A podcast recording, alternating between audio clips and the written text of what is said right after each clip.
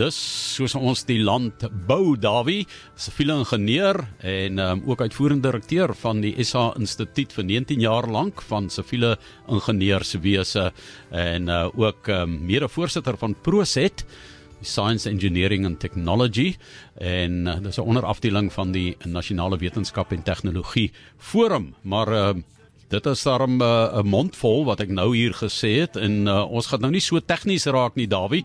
Jy gaan vir ons 'n bietjie berge toe vat, né? Ja, goeiemôre Johan. Uh, ek dink nou net aan ons pragtige moedertaal. Ek ons vier nou vandag ook moedertaaldag en dit uh, nou die titel skryf van beespaadjies tot bergpas toe dog ek jy kan dit nou nie in Engels vertaal nie, né? Dit is 'n ja. pragtige rymelary of wat noem mense dit, né? Baie mooi, ja. Uh, nou nou uh, vandag gaan ons 'n bietjie praat daar in die in die noorde van die Oos-Kaap. Uh is is 'n paar pragtige passe.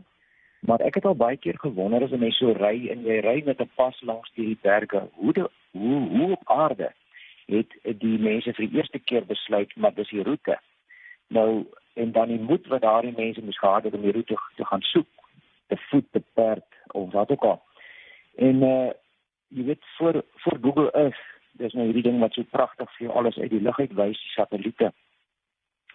Uh wat dit natuurlik 'n groot waagstig om so kloof op te trek en dan uit te vind hy loop dood. Of dalk uit te vind hy kom aan die ander kant uit en jy kan dalk 'n pad daar langs bou.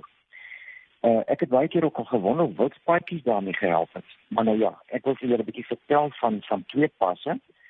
Daar is een baie mooi verhaal van hoe die beeswagters en hulle beeste in die Oos-Kaap jaarlikse seisoenstrek tog aangepak het tussen die weivelde.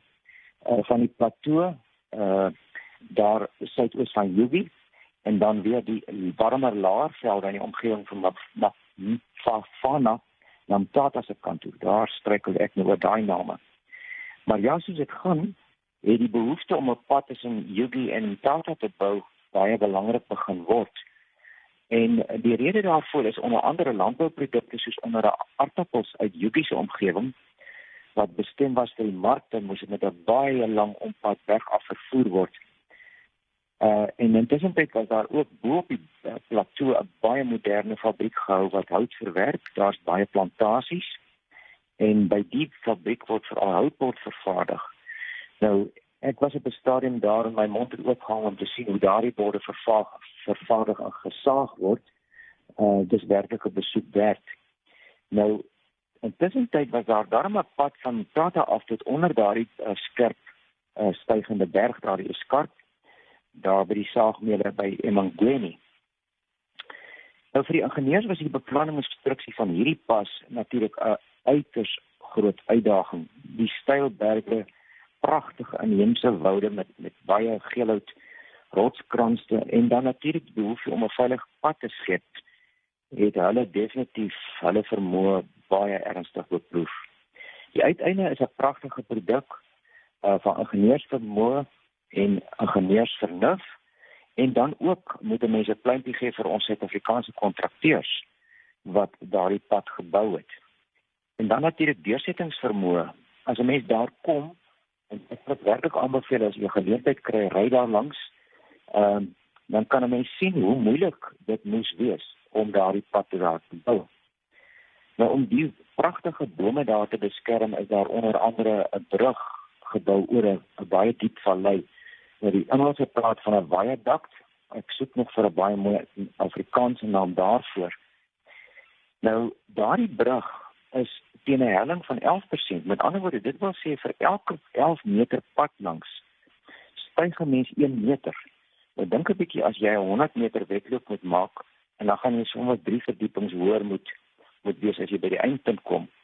Nou die betonbalke wat die die brug dek vorm is vooraf vervaardig uh, en hulle moes toe opgestoot word met horisontale domkragte die die Engelse praat van jacks wat nou nie weet wat 'n domkrag is nie. En dis werklik moeilik is om om te beskryf as net nog self gesien het nie. Uh, ek het 'n paar keer sulke dinge beleef waar hulle met hierdie domkragte hierdie sware betonbalke stoot en dit is werklik waar iets besonders. Om die uh, woude ook daar te beskerm, dit was vir my 'n netjie geweest daardie tyd. Ehm um, is daar in die kontrakdokumente 'n reuse boete ingeskryf. So as jy nou 'n boom beskadig daar, dan is jy 'n groot moeilikheid gewees. So maar dit wys ook maar weer die omgewingskundiges en die ingenieurs en hulle spanne moet saamwerk. Daar's baie groot keurmure gebou om die rotsuitgrawings en die opgeboude pad te stabiliseer. En rotsankers, hulle boor dit so in die berg in en hulle word uh, word dan vasgesement en dan word vasgedraai met met boute om dit so te stel. Dit help natuurlik om die om die pad en die rotse in een plek daar te hou. En dan is daar ook vir wegholvoertuie hierdie uh, sandbeddings gebou. Nou die uh, die in die Engels praat ons van arrestor beds en ek het nou omtrent gewonder wat is dit in Afrikaans? Uh so dit is ook iets vir die taalkundiges om vir ons mee te help. En vir die van u wat dit dalk nie ken nie, dis 'n lang betonbak hier langs die pad met spesiale sanderige materiale wat 'n voertuig tot stilstand bring as hy nou weghardloop het in die bult af. Eintlik moet die vragmotor bestuur doen net mak vir die bedding. En ons sien hierdie uitsending op 'n hele paar plekke in Suid-Afrika. Maar nou wonder mense seker wat het nou van die weespaadjie geword wat berg op en berg afgeloop het. Hy is daar en die beeste word nog steeds met daai weespaadjie uh, na die laafveld en die hoëveld uh gelei. En daarop is spesifieke plekke is daar toe 'n dekweg vir die beeste onder deur hierdie pragtige pad gebou. En dan in die bergopkant is daar ook 'n paadjie gebou so eentjie parallel met die pad en dan is daar 'n heining net om te keer dat hulle nou daar afval en op die pad te lande kom. So so is dit uh, vir die beeste ook veilig om daardie pad te kry soos wat hulle ek wil amper sê oor die afgelope dekades gedoen het. Nou, die resultaat van hierdie projek is is indrukwekkend. Die 190 km pad tussen Tata en Yugi het byna 100 km korter geword. Nou kan 'n mens dink vandag se brandstofpryse alleen.